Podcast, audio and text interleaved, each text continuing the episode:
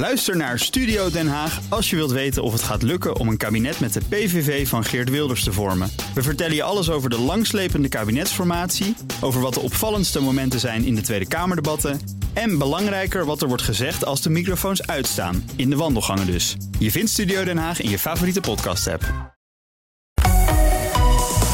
BNR Nieuwsradio. De wereld.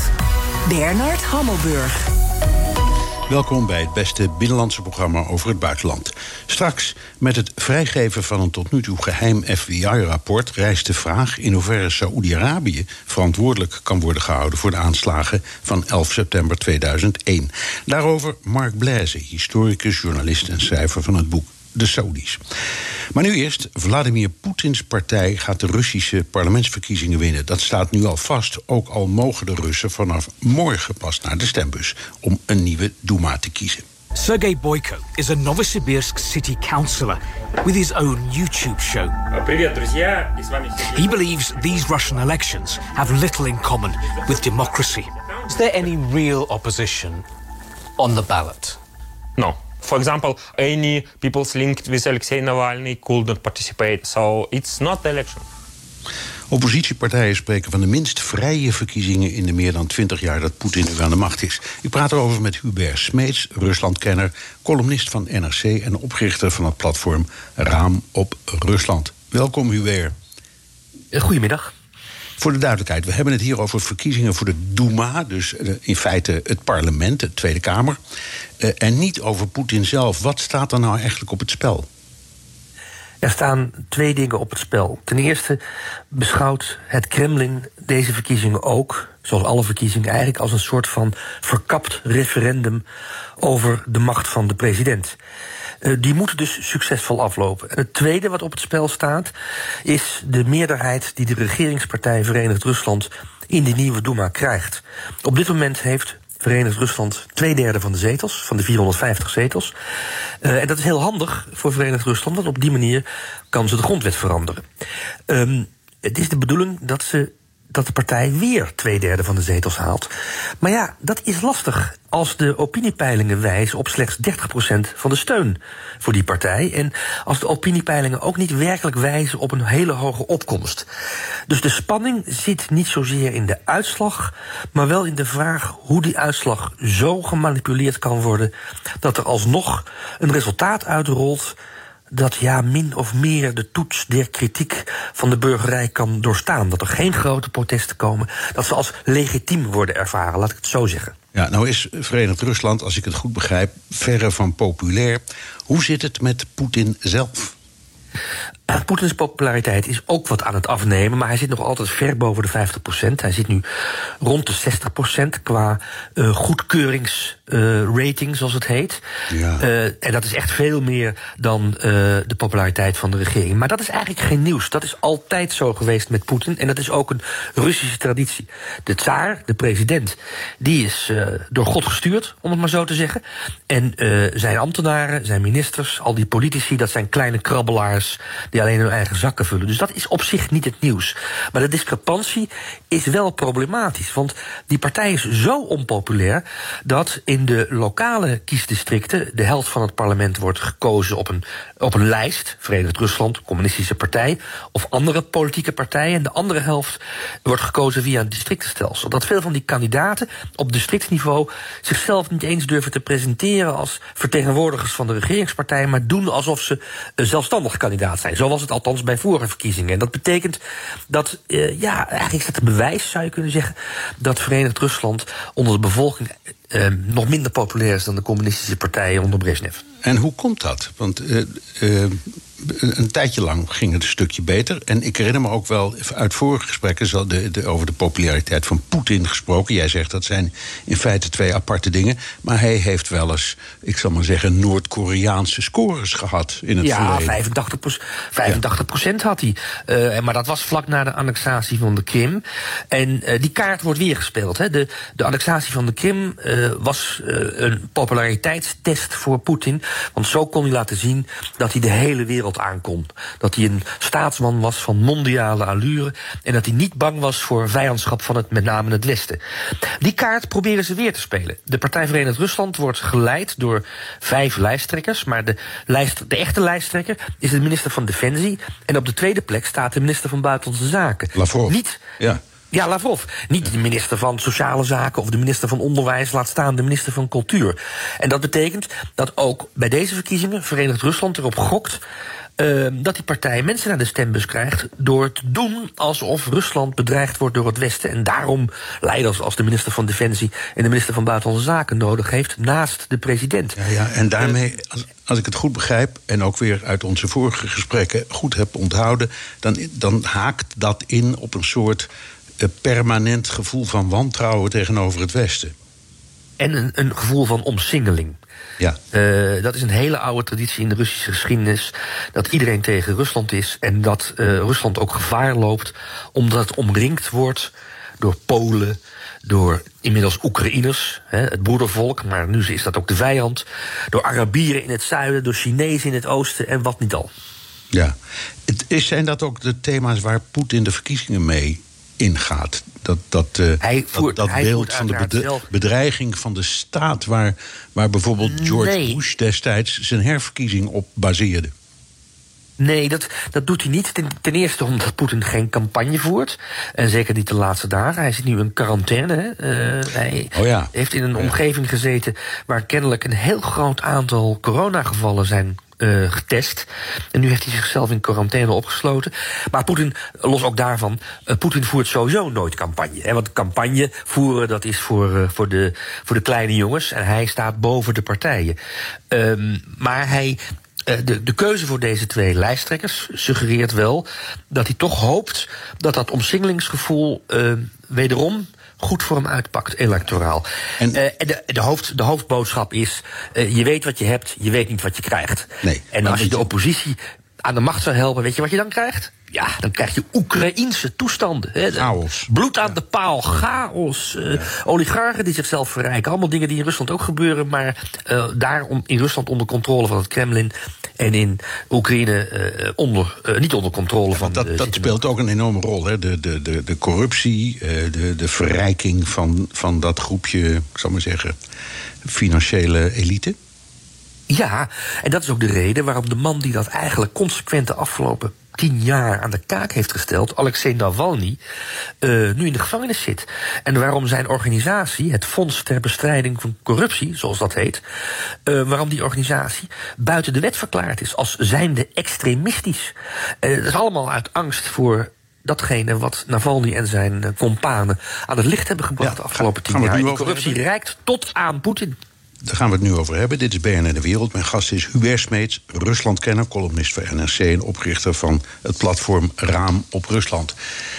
Oppositieleider Alexander Navalny, je noemde hem al... is door het Kremlin opgeborgen in een strafkamp in Siberië. Navalny was brought in in handcuffs. He's accused of breaching bail conditions for what he says was a politically motivated 2014 embezzlement charge. The verdict was, he knew, inevitable. Guilty. Two and a half years in a labor camp. Hubert, behoort Navalny nu tot het verleden? Dat zullen we over, nou, zullen, dat zullen we maandag weten. Navalny is ook, en zijn club, de, uh, de man achter de strategie van het zogenaamd slim stemmen. Ik had het al even ja, ja, over die, die districtskandidaten die er zijn. Dat zijn 225 zetels in het parlement van 450 mannen en vrouwen. En uh, op, die, op dat districtsniveau geldt gewoon het systeem, het Engelse systeem, de meeste stemmen gelden. En wat dat slim stemmen nou betekent, is dat ze gaan zoeken via algoritme, via uitslagen uit het verleden naar de, de kandidaat die in staat zou kunnen zijn om de vertegenwoordiger van Poetin, van Verenigd Rusland, te verslaan. En of die kandidaat nou een communist is, of een fascist, of een, een dronkenlap, of een clown, of, of wat dan ook. Of dat een briljante politicus, kan ook nog. In theorie is dat denkbaar, maar meestal worden die niet toegelaten tot de kandidatenlijsten. Dus uh, je, je, hebt, je, hebt het, je hebt het te doen met, uh, met ja, wat, wat, wat lui die wij niet als per se als democratisch zouden willen zien. Maar het enige doel van dat, die campagne slim stemmen is om uh, tegen Poetin te stemmen. Ja, en ik herinner me nu ook, ik herinner me ook toen Navalny. Ja door het land reisde en, en ook tijdens zo'n reis is gearresteerd, toen was hij eigenlijk bezig, ehm, als ik het me goed herinner, met het opstoken van de kiezer om te stemmen wat hij maar wilde, zolang het maar niet Poetin of Verenigd Rusland was. Ja, en klaarblijkelijk, klaarblijkelijk had hij daar succes mee. Ja, dat is ook aangetoond bij de deelraadsverkiezingen en de gemeenteraadsverkiezingen in Moskou twee jaar geleden. Uh, daar hebben ze toen 20 van de 50 zetels in de Stadsduma, de gemeenteraad, weten te, te halen op die manier. Uh, dat heeft niet geleid tot een serieuze oppositie, want die kandidaten zijn, hebben geen eigen plan. Die hebben alleen maar uh, een stem tegen Poetin uitgebracht. Maar dat was toch heel succesvol. En daarom is men in het Kremlin behoorlijk bang voor dat slim stemmen. En dat heeft er zelfs toe geleid uh, dat uh, de inspectie voor de massamedia het de zoekmachines in Rusland. Yandex is de grootste, maar je kan ook denken aan Google of aan Yahoo. Um, verboden heeft om uh, de zoekvraag slim stemmen in behandeling te nemen deze dagen. Dus het gaat niet eens om de vraag wat ze verspreiden. Nee, zelfs de zoekvraag wordt nu door het Kremlin gecontroleerd. En dat zegt iets over de angst die ze hebben voor deze, je zou kunnen zeggen, uh, actie tomaat van Navalny. Ja, uh, je hoort van alle kanten zeggen dat dit de minst democratische verkiezingen in Rusland zijn sinds Poetin aan de macht kwam in 2000. Wat maakte deze verkiezingen nou ondemocratischer dan vorige verkiezingen? Um, de simpele feit dat er een heleboel kandidaten niet zijn toegelaten tot de stembiljetten. Bijvoorbeeld een hele populaire communist. Uh, die uh, in 2018 nog wel op de kandidatenlijst stond voor het presidentschap. Bijvoorbeeld het feit dat alle internetmedia die niet van de staat zijn en een wat onafhankelijker en kritischer koers varen, eigenlijk afgelopen jaar successiefelijk tot zogenaamd buitenlands agent zijn verklaard. En dat is eigenlijk een doodvonnis. Als je als buitenlandse agent je moet registreren, dan zeggen de adverteerders de volgende dag uh, wij gaan uh, onze reclamecampagnes voor uh, Kwas of voor een nieuw aardappelmerk, maar niet via jullie doen. En dat zijn serieuze media via internet. Bijvoorbeeld het tele televisiestation Regen, Dost. het feit dat heel veel individuele burgers tot buitenlandse agent zijn verklaard. Het feit dat het waarnemers collectief Golos, de stem, uh, die mensen stuurt naar stembureaus om te kijken of er eerlijk gestemd wordt en eerlijk geteld, ook tot buitenlands agent is verklaard en daarmee vleugellam. Dat zijn eigenlijk allemaal voldoende aanwijzingen, vind ik, om te zeggen dat dit de minst vrije verkiezingen zijn van de afgelopen twintig jaar. Ja, toch zeg je dat Verenigd Rusland is niet populair. Als dat nou, weet ik wat, 30% van de stemmen krijgt, hoe krijgt Poetin of hoe krijgt die club dan toch een meerderheid? Nou, dat zou bijvoorbeeld kunnen uh, via het elektronisch stemmen. Ze hebben vorig jaar bij het referendum over een nieuwe grondwet, een nieuwe grondwet die Rusland nog verder centraliseerde, nog meer macht gaf aan president Poetin, hebben ze ervaring opgedaan met elektronisch stemmen. En dat heeft, is ze zeer goed bevallen. En op dit moment zijn er grote campagnes gaande op bedrijven, in universiteiten, scholen, ziekenhuizen om elektronische stemmen. En de directie van een bedrijf eh, of een school of een ziekenhuis is heel graag bereid om daar de computer even voor ter beschikking te stellen. Als je begrijpt wat ik bedoel. Ja, dat begrijp ik. maar manier. Ja, maar dan, dan, gebeurt er dus iets, dan gebeurt er dus iets frauduleus op het moment dat je wordt, elektronisch gaat stemmen, terwijl er van hogerhand wordt aangedrongen dat je dat doet. Ja, dan loop je het risico dat je, uh, dat je de fraude in de hand werkt. En ook niet stemmen. Um, kan fraude in de hand werken. Er is een uh, Russische hele creatieve en ook wel vrij, geniale statisticus. Die toont aan aan de hand van um, de stembureau-uitslagen dat zij. Met stembureaus waar laag opkomst is, de opkomst op een bepaald moment van de dag kunstmatig hoog wordt gemaakt. En dat bijna al die stemmen van uh, uh, niet uitgebrachte uh, stemmen, dus naar Verenigd Rusland gaan. En je, zou, je zou verwachten dat in een stembureau waar heel weinig opkomst is en een stembureau waar een heel hoge opkomst is, globaal dezelfde uitslag heeft. Globaal zeg ik. Ja. Maar hij toont aan aan de hand van um, zijn statistische methodes dat, een, dat een hoge opkomst um, eigenlijk alleen maar terechtkomt bij Verenigd Rusland. En dat zijn niet uh, marginale verschillen, dat zijn uh, majeure verschillen. En op die manier kan hij niet bewijzen dat er corruptie in de sprake, uh, dat er sprake is van corruptie, maar hij kan wel heel goed illustreren dat er via niet uitgebrachte stemmen die toch heimelijk worden uitgebracht, stemmen terechtkomen bij Verenigd Rusland waar ze niet horen. Ja, en leidt dat dan uiteindelijk, denk je, tot um, de meerderheid die Poetin graag ziet? Ik denk het wel. En hoe, hoe, groot wordt die meerderheid dan van een partij die, als we het goed begrijpen, maar op ongeveer 30% staat in de peilingen? Nou, die, die, die, die, qua zetels in het parlement zal dat dan neerkomen op twee derde. Dus dan zit je boven de 66 procent. Ja. 300 eh, zetels of meer. En dat zit dan vooral in die districtskandidaten. Daarom zijn ze ook zo bang voor uh, dat slim stemmen. Want dat richt zich alleen op de helft van het aantal zetels, op die districtskandidaten. En daar moeten ze dus alle zeilen bij zetten om op die 300 zetels te komen. En, dat zal, en denk ik, wel lukken. Ja, en tenslotte, hoe weet jij alsof dat er gefraudeerd is? Ik wacht totdat die statisticus maandagmiddag met zijn statistieken komt. En dan durf ik met goed fatsoen bij jullie te zeggen van het was erger dan de vorige keer. Of hé, hey, het was minder erg dan de vorige keer. En, en dan zien we je graag weer terug. Dank Hubert Smeets, Ruslandkenner en oprichter van het platform Raam op Rusland. De wereld. Tijd voor een update uit de Brusselse wereld van Europa-correspondent Stefan de Vries. Het Europese parlementaire jaar is heropend, weer geopend. En dat gebeurde met de bijna traditionele State of the Union naar Amerikaans model in het Europees parlement woensdag in Straatsburg. As I look back on this past year, and if I look at the State of the Union today, I see a strong soul in everything what we do de Europese ziel dus. Stefan, je hebt geluisterd en gekeken naar Ursula von der Leyen. Zag jij die bezieling in deze wat Amerikaans aandoende exercitie? Nou, bezieling in de tekst wel. In, in de presentatie misschien wat minder. Ursula von der Leyen is niet echt een uh, showfiguur. Maar het was een interessante speech. Inderdaad, zoals je suggereert, het gebruik van die State of the Union is natuurlijk een beetje afgekeken van de VS. Eh, Europa deed het gisteren voor de tiende keer. De speech duurde een klein uurtje en het was bij tijd en wijle zelfs nou, best wel ambitieus. Er waren natuurlijk heel wat onderwerpen die aan bod kwamen, zoals de coronacrisis, het klimaat, asielpolitiek, geopolitiek en ook de digitale economie. Um, dus een, een, flinke lijst. Uh, vorig jaar was ze behoorlijk, uh, ja, toch in mineur, von der Leyen. Dit jaar was het heel anders om met uh, de coronacrisis te beginnen. Von der Leyen vond dat Europa het heel goed gedaan heeft in deze crisis.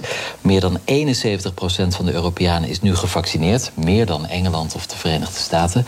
En dat was volgens von der Leyen allemaal te danken aan het feit dat de EU samen vaccins had besteld en niet ieder land voor zich. Nou ja, ik vind op dat succes valt wel het een en ander af te dingen. Er liepen namelijk ook heel veel dingen mis, vooral in het begin. Iedere lidstaat deed eigenlijk maar wat. Reizen is in, in de loop der tijd van de pandemie moeilijk geworden. Schengen bestaat eigenlijk niet meer. En de vaccinatiegraad en economisch herstel... Uh, die verschillen behoorlijk tussen de lidstaten. Von der Leyen had het dan over het gemiddelde. Ja, dat klopt wel, maar als je dan in gaat zoomen... zie je dat er echt grote verschillen zijn binnen Europa. Maar dat kon de tevredenheid van von der Leyen gisteren niet drukken. Je zou kunnen denken, door de verkiezingen in Duitsland en straks in Frankrijk is er een soort machtsvacuum waarin de Europese Commissie juist allerlei vergaande voorstellen zou kunnen doordrukken. Gebeurt dat ook? Ja, nou ja, iedereen is inderdaad in afwachting van de opvolger van Angela Merkel. Dat wordt dus waarschijnlijk na 16 jaar weer een uh, sociaaldemocraat, Olaf Scholz. Dus dat is niet de politieke kleur van von der Leyen, die zelf acht jaar lang minister van Defensie was onder Merkel. En dus even, even, even dat tussendoor, is Lachette uitgeschakeld, denk je? Nou, kijk, eh, eh, als je naar de peilingen kijkt, uh, dan staat Lachette nu op 11% uh, kans om kanselier te worden. En Olaf Scholz op meer dan 30%. Um, ehm, ja, het kan, er kan van alles gebeuren. In ieder geval, voor de zomer leek het erop dat het eigenlijk hele saaie verkiezingen zouden worden. Maar de laatste weken is het echt heel spannend in Duitsland. Um, dus de kans dat Olaf Scholz kanselier wordt, opvolger dus van Merkel, die is eigenlijk best wel groot.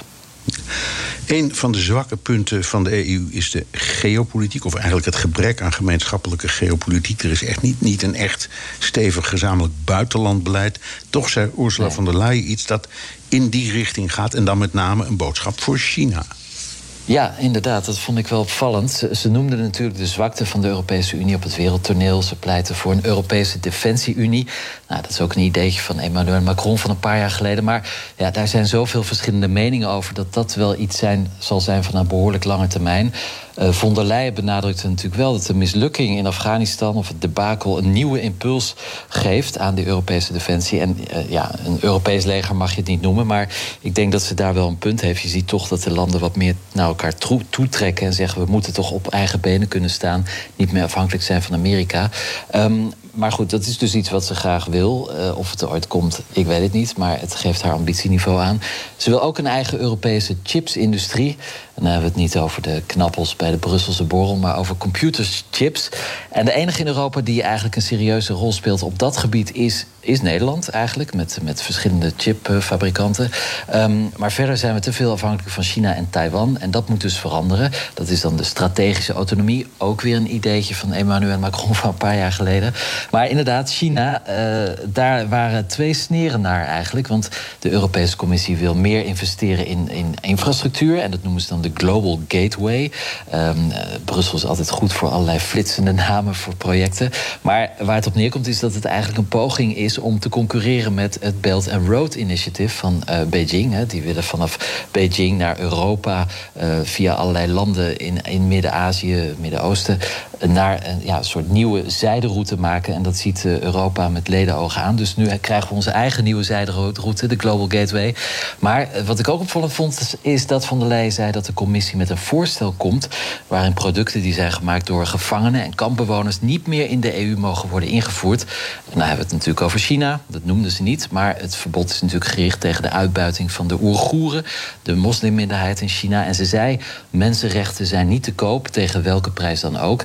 Uh, maar hoe ze dan in de praktijk gaat voorkomen dat die producten hier komen en hoe het controleren, ja, dat, dat is natuurlijk niet duidelijk.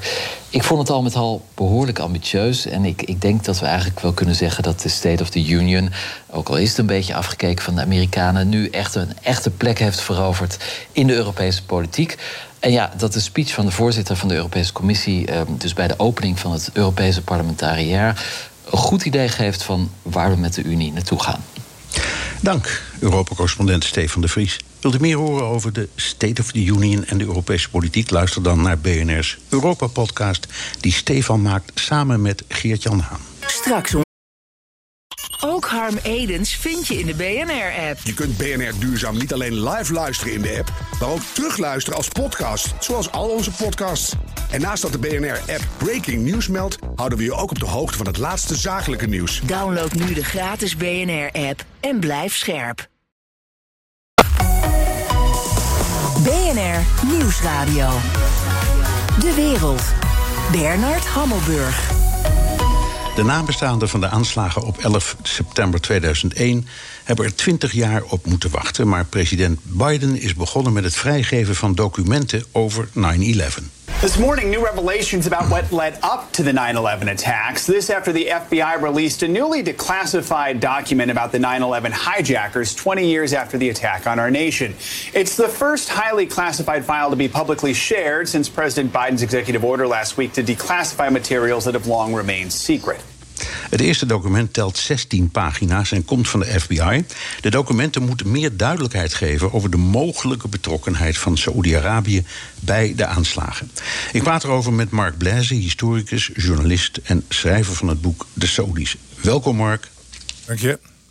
Het eerste document is inmiddels vrijgegeven. Wat, wat maak jij eruit op, uit dat FBI-document? Nou, allereerst dat er heel veel zwart in zit. dat dat soort documenten vaak het geval is. En verder ja, uh, wordt er gewezen naar bepaalde Saoedische staatsburgers... die uh, al dan niet een diplomatieke rol hebben. iemand op een consulaat, een zakenman. Allemaal nogal vaag. Geen enkele aanwijzing richting het Koningshuis... of de echte beslissers in Saudi-Arabië. Dat zou ook gek zijn, want dan zouden de afgelopen twintig jaar... alle presidenten dit wetende want voor hun was het natuurlijk niet geheim... gewoon zaken hebben gedaan met Saudi-Arabië... nadat uh, als bewezen was dat, dat, dat, dat het Koningshuis er iets mee te maken had. Dat bewijs is er in ieder geval nog niet. Ik denk dat de nabestaanden relatief uh, ontevreden zijn. Want hier kunnen ze heel weinig mee. Ja, maar goed, dit is het begin. Hè? De vraag die die 1800 nabestaanden hebben over de aanslagen van 11 september is: wat was de rol van de Saoedische regering? Hoe aannemelijk is het dat de overheid, de regering, op de een of andere manier daar een rol in speelt? Het is, een, het is een niet echt transparant land. Dus alles wat ik zal zeggen is uh, eigenlijk uh, hoogstens gezond verstand gebruiken. Ik denk dat het uh, zeer onwaarschijnlijk is dat, ze, dat het te traceren is naar de regering. Dat wil niet zeggen dat de Saudische. Dat de Saudis niet er niks mee te maken hadden, maar dat de officiële regering, het Koningshuis, dat wat er omheen zit, dat die bewijsbaar hier iets mee te maken hebben, dat lijkt me zeer onwaarschijnlijk. Ja, als ik het goed begrijp, ehm, dan zijn er iets van 13.000 leden van het Koningshuis, waarvan hoeveel? 2000 geloof ik prinsen. Um, leg eens uit, hoe zit dat? En vooral of je kunt zeggen dat je het huis Saoed aansprakelijk kunt stellen. Als bijvoorbeeld een of een paar van die prinsen vriendjes waren van Al-Qaeda. Nou ja, je zegt het goed. Er zijn misschien wel meer dan 2000 prinsen die met heel veel geld uh, zich kapot vervelen de hele dag. En kijken hoe hun, hun neef Mohammed uh, het allemaal mag doen in zijn eentje. Uh, de, de, koning zelf is langzamerhand, denk ik, nogal afwezig. Zowel lichamelijk als geestelijk. Dus die, die neef die mag alles, die doet ook alles. Dat is, dat is Mohammed bin Salman, ja. hè, voor de duidelijkheid. Ja. Precies. En ja, wat, wat, wat heeft de rest dan nog te doen? Nou, als je 2000 prinsen hebt, dan zullen ze het vast niet allemaal eens zijn met het beleid van hun, van hun familie. Dan zullen er vast wel tussen zitten die bijvoorbeeld uh, de relatie met Amerika afkeuren. Of uh, de sinds kort weer aangehaalde betrekkingen met Israël afkeuren. En die denken: ja, god, zal ik eens kijken of ik die jongens een beetje kan pesten. Het zou best eens kunnen zijn dat zij bijvoorbeeld via alle stroommannen geld hebben geleverd voor deze of gene uh, aanval. En misschien zelfs ook wel voor die van 9-11. Zal nooit te bewijzen zijn. Nee, dat begrijp ik. Maar de vraag was eigenlijk: als een van die uh, prinsen of meerdere prinsen zulke soort dingen hebben gedaan, kun je dan zeggen dat is dus het Koningshuis? Of kun je dat niet zeggen? Nou, als je, als je zelf een familie zou hebben van zoveel 13 of 15 of 20.000 man, dan kan je niet de verantwoordelijkheid nemen voor iedere neef en achterneef. Nee. Dus ik denk dat natuurlijk het is een stammen uh, samenleving nog steeds en de stam Saud is de belangrijkste. Ze zullen ongetwijfeld boos worden op, uh, op de, als, als ooit bewezen wordt dat, dat een van die prinsen ver buiten zijn boekje is gegaan. Misschien wordt hij zelfs wel geëxecuteerd. Niks is te gek in dat land. Maar om nou te denken dat de hele, de hele stam zou dan uh, zich in een hoek zal gaan verstoppen uit schaamte, dat kan ik me niet voorstellen. Nee, hoe verhouden die prinsen zich tot elkaar? Voor zover je het kan zien van buiten. Uh, nou ja, de topprinsen, als je het zo mag noemen. De 10, 20 jongens die denken dat ze het eigenlijk zelf hadden moeten worden. Wat Mohammed bin Salman nu geworden is. Die zullen met achterdocht en argwaan naar elkaar kijken. En denken van wat gebeurt er als Mohammed onder een, uh, onder een tractor komt. Zal ik dan de volgende zijn? Ik denk dat er een enorme concurrentie is om aandacht te krijgen van uh, de koning en, en van Mohammed bin Salman. Ik denk dat uh, ja, God, iedereen in de buurt van de top heel graag uh, kroonprins uh, wil worden. En dan misschien uiteindelijk ook koning. Want dat is natuurlijk wel een, een positie van je welste. Dus ik denk niet dat het een hele fijne sfeer is daar achter de muren van het Koningshuis. Nee, en als ik jou goed begrijp, dan is de koning misschien niet meer helemaal composment is. Dus als er gedoe zou komen, bijvoorbeeld over de positie van Mohammed bin Salman, de huidige kroonprins, dan is de kans dat de koning zelf ingrijpt buitengewoon gering, want die snapt niet meer helemaal wat er aan de hand is. Of zie ik dat verkeerd? Nou, voor zover we weten is dat, zie je het helemaal niet verkeerd. Hij is nog in staat om geloof ik één keer in de week een kaartje te leggen met zijn naaste omgeving. En voor de rest zit hij wat in een stoel te, te, te wankelen.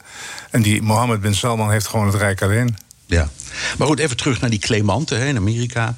Die zeggen, eh, als leden van dat huis zou een rol hebben gespeeld, bijvoorbeeld financiële logistiek, wat dan ook, dan is impliciet het koninkrijk aansprakelijk. Is dat een logische redenering? Ik snap de emotie. Uh, ik denk niet dat, dat ze ver zullen komen met deze redenering.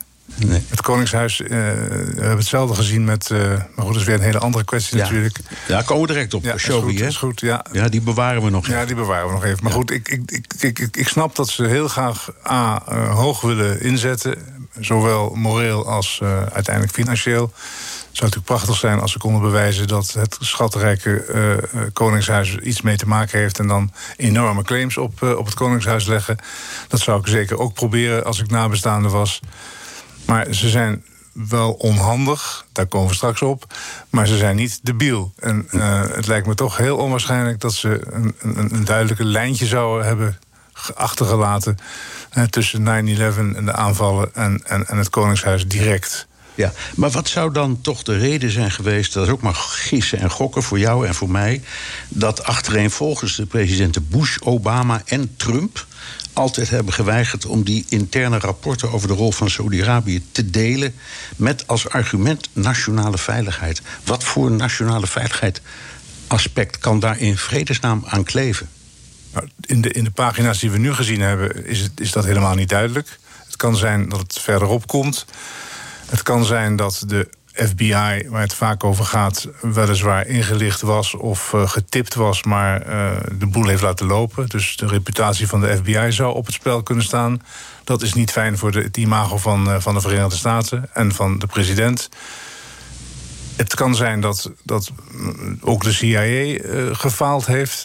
Er gingen, uh, nou, nou, dat is wel zeker hoor, denk ik. Vlak, ja, ja. vlak na, de, na, de, na de aanslagen gingen natuurlijk de geruchten dat, dat men echt wel was, was, was, was gewaarschuwd. Maar gedacht ja. heeft, nou, dit is zo onwaarschijnlijk, daar gaan we niet op in. Nee, maar dat stond ook in het 9-11-rapport van de Amerikanen zelf. Ja, dus Dat, dat is wel zo, ja. Dus, dus ja, misschien dat het te maken heeft met het imago van de Verenigde Staten. Dat ze toch, toch zo kwetsbaar zijn en dat ze, ja, dat ze dat niet te graag toegeven. Nee, of dat ze misschien zeggen, denken... Um, Saudi-Arabië zou in discrediet kunnen komen... en dat betekent een overwinning voor Iran.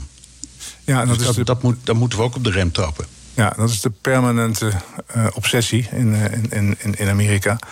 Waar ik zelf uh, af en toe heel erg voor, voor onbegrip raak. Want Natuurlijk, uh, Iran is een, is, een, is een hele belangrijke speler en mogelijk een gevaarlijke speler. Maar om alles nou op, uh, op, uh, op Iran te gooien, wat ze eigenlijk wel doen. En daar alle excuses voor aandragen om met Jan en allemaal bondgenootschappen aan te gaan. Als ze maar tegen Iran zijn, dat gaat toch wel best ver. Ja, en ze willen natuurlijk ja, ze moeten eigenlijk wel met Saudi-Arabië in, in, in, gesprek blijven. Willen ze een, een, een, een, regionale tegenkracht hebben die, die, die de moeite waard is. En tegelijkertijd ja, zullen ze ook continu dilemma's tegenkomen. Ja. Het is BNR De Wereld. Mijn gast is Mark Blaise, historicus, journalist en schrijver van het boek De Saudis. Op 3 oktober 2018 werd Jamal Khashoggi, we hadden het er al over, de journalist op barbaarse wijze vermoord op het Saoedi-Arabische consulaat in Istanbul. A US intelligence report has concluded that Saudi Crown Prince Mohammed bin Salman personally approved the murder of the exiled journalist Jamal Khashoggi in 2018. He was killed while visiting the Saudi consulate in the Turkish city of Istanbul. The declassified report says the prince approved a plan to either capture or kill Khashoggi, who had criticized the Saudi regime. Nou, dat roept dus verschillende vragen op, Mark. In de eerste plaats, het lijkt op waar we het nu over hebben. Als, als, als Mohammed bin Salman zelf betrokken was, of bij, op de een of andere manier opdracht heeft gegeven voor die moord. Ja, wie zegt dat er niet het, iets soortgelijks is gebeurd in, in de 9-11-kwestie? Ja, wie zegt dat? Wie zegt dat? Maar goed, de, de, de moord op Khashoggi is uitgevoerd door vrij belangrijke mensen uh, die in mijn optiek dit niet hadden mogen en kunnen doen zonder toestemming op het hoogste niveau. Ja. En of de kroonprins precies wist hoe het zou gaan en of die min of meer tussen neus en lippen doorgezet heeft: uh, pak hem levend of dood. Dat, dat, ja, dat, of zeggen, ruim, ruim, die mensen op. Ja, en ruim die mensen op. ik, moet nu, ik, moet nu, ik moet nu weer gaan varen op mijn grote schip. Dat zou allemaal best, best kunnen. Maar de, de, de, de, de kans dat op het allerhoogste niveau dit is goedgekeurd... is veel groter, denk ik, dan de kans dat het op allerhoogste niveau is goedgekeurd bij 9-11. Ja. Maar het is nogmaals, het is een compleet intransparant, ontransparant land. We, we, zullen het nooit precies weten. En daar zijn ze heel erg goed in, in dat geheim houden. Ja. Maar je kunt het ook omdraaien en zeggen: als ze dat allemaal geheim kunnen houden. en ook daarbij zijn ja, geholpen door achtereenvolgende Amerikaanse presidenten. dan kunnen ze zich wel heel veel permitteren, de Saudis. Ja, dat is ook schrikbarend. De, de arrogantie waarmee deze Khashoggi uit de weg is geruimd. Uh, zo van, nou ja, wat, hoe we het ook doen. En of het nou op de camera staat en of iedereen het weet. En of de Turkse geheime dienst het ook allemaal precies heeft kunnen volgen. Het zal allemaal wel. Wij kunnen ons dit veroorloven, want wij zijn politiek en economisch en olietechnisch gewoon te machtig, te groot. Wij doen waar wij zin in hebben. En dat is natuurlijk verschrikkelijk arrogant. En ze komen er weg mee. Ja, ja en ik, ik zit steeds maar mee te denken met die 1800 nabestaanden die, die, die dus ook niet de Amerikaanse deal hebben aanvaard. Hè? Want dat speelde uh, in Amerika. Er is door de Amerikaanse regering een compensatieregeling bedacht. Maar dan moest je afzien van verdere juridische actie. En deze mensen die hebben dat niet gedaan. En, en die, die zeggen ja, maar het verhaal is niet af. Um, nou ja, dat, is, dat, is, dat geldt ook voor de familie van Khashoggi. Die heeft zich ook keihard laten afkopen. Terwijl die nog veel dichterbij natuurlijk zaten, in zekere zin. Uh, maar, maar gewoon, ja, zagen heel goed in dat ze totaal kansloos waren. En dan maar eigen voor hun geld gekozen hebben. In dit geval dollars en huizen. Ja. ja, ja. Even, je kan het ook omdraaien. In hoeverre hebben wij in het Westen uh, IS gefaciliteerd... of bijvoorbeeld Osama Bin Laden? Dat is ook een belangrijke vraag natuurlijk. Nou ja, wat, wat men nog wel weet, en misschien niet iedereen weet, is dat Nederlandse banken in, in Saudi-Arabië het banksysteem voor een groot deel hebben opgezet en gemoderniseerd. Met name ABN Amro. Uh, en dat later zou blijken dat uh, financiële transacties in de wereld uh, via deze bank zijn gelopen. En zeer waarschijnlijk is dat daar ook de, uh, de Al-Qaeda de, en de, de, de Bin Ladens uh, gebruik van hebben gemaakt. Ja, ja, ja dus Hamburg, Rotterdam, ik herinner me, die werden allemaal genoemd als knooppunten in het financieel verkeer. Ja. Geld maakt blind. Uh, vooral niet te veel vragen stellen. En pas veel later, en dat is nu natuurlijk heel erg aan de orde. Uh, is vragen stellen bij, bij grote hoeveelheden geld uh, heel gewoon geworden. Maar vroeger was dat helemaal niet nodig. Nee. Het was gewoon handel is handel. Ja. Even kort samenvattend, als ik jou goed begrijp, dan denk je: het zou best kunnen hoor, die betrokkenheid van sommige hoogplaatsen bij 9-11. Maar helemaal duidelijk zal het nooit worden, ondanks uh, het openbaar maken van nog verdere documenten. Is dat, is dat in feite wat jij denkt? Ik denk zelfs nog opportunistischer. Ook al zou, er zouden er bewijzen boven komen, dan zouden zelfs de Amerikanen er belang bij hebben om die niet allemaal openbaar te maken. Want dat zou de verhouding met uh, de olieleverancier en de garantie tegen eventuele acties van Iran ja. ondermijnen. Het is heel erg, maar zo is het. Op, op volgende documenten komt ook heel veel zwarte lak. Dankjewel. Mark Blijzen, historicus, journalist en schrijver van het boek De Sodies. Postma in Amerika. Tijd voor het Amerikaanse nieuws door de ogen van onze correspondent in Washington, Jan Postma. Jan, Amerika's hoogste militair, nou ja, na de president dan, is in opspraak. En dat komt door het nieuwste boek van Watergate-veteraan Bob Woodward. Vertel. Ja, Peril heet dat boek, Gevaar. En dat is wat eh, Mark Milley dacht te zien. Dat is de chairman of the Joint Chiefs of Staff. Uh, de hoogste militair na de uh, commander zelf, de president inderdaad, zoals je het zegt. En daar zit ook een deeltje, van het pijnpunt. hij belde voor de verkiezingen en na de bestorming van het kapitool van 6 januari... dus toen Trump nog president was, met zijn Chinese collega... om China gerust te stellen. de Amerikaanse inlichtingendiensten die vermoeden dat de Chinezen rekening hielden... met een Amerikaanse aanval. En ja, Millie die was bang dat die gespannen situatie zou zorgen voor ja, ergens een miscalculatie, misschien zelfs een aanval van China om de Amerikanen maar voor te zijn. En ja, het was een periode waarin er ook al spanningen waren over militaire oefeningen in de Zuid-Chinese Zee. Uh, toenmalig president Trump die was natuurlijk heel agressief in zijn toon tegen China. Het was campagnetijd. Uh, veel onrust, ook met die bestorming van het kapitool. Nou, toen heeft Millie dus gebeld om China gerust te stellen en ze te verzekeren dat er geen aanval zou komen. Nee. En hoe verdedigt Millie zich? Ja, want daar is veel eh, onrust over natuurlijk. En, en hij zegt zelf of ja, ik, ik, ik, of hij zegt eigenlijk zelf niks. Dat is het eigenlijk. Maar zijn woordvoerder zegt, uh, ja, dit is onderdeel van zijn taken. Hij moet de rust ook bewaren. Dit is iemand op, op topniveau. Uh, die communiceert ook op topniveau. Bovendien zegt die woordvoerder, ja, er zaten allemaal stafleden bij. Het is gecoördineerd, het is gecommuniceerd, ook met het ministerie van Defensie, alle inlichtingendiensten. Dus volgens hen is dit gewoon part of the job, niets aan de hand. Ja. Uh, hij sprak ook met officieren, Millie, over hoe de procedure voor een nucleaire aanval is. vlak na de bestorming van het kapitool. Dat is nogal wat. Ja, dat, Dat is ook nogal opvallend. Hè? Ja, het Pentagon heeft dat ook bevestigd. Dat is echt zo gebeurd. En hij heeft uh, ja, met ze de procedure doorgenomen van een nucleaire aanval. Hij, hij wilde weten of die duidelijk waren. Uh, en hij wilde ook duidelijk maken dat de president, zoals je al zei, die is dan wel echt de baas. Maar het besluit voor zo'n nucleaire aanval, natuurlijk een heel groot besluit, dat dat ook eerst nog even langs Milley moet. Eerst langs hem. En in het boek wordt beschreven hoe hij die officieren één voor één bij langs gaat, ze in de ogen kijkt en ze dan laat bevestigen dat ze het echt begrepen hebben dat Millie dus er ook van moet weten. Dus dit geeft wel wat aan hoe, hoe ongerust die Millie was op dat moment. Ja, nou zeggen de Amerikanen, die, die Millie die deugt niet... want hij is waarschijnlijk zelf de bron geweest voor het boek van Woodward. Ja, precies. Dat, dat zijn voornamelijk uh, republikeinen. Uh, Trump ook bijvoorbeeld, die zegt woest, die noemt het verraad. Vindt dat, dat Milley moet worden opgepakt, want dit is hoog verraad, zegt hij. Ook een paar republikeinse congresleden en, en opiniemakers op Fox News... Die, die echt heel boos zijn.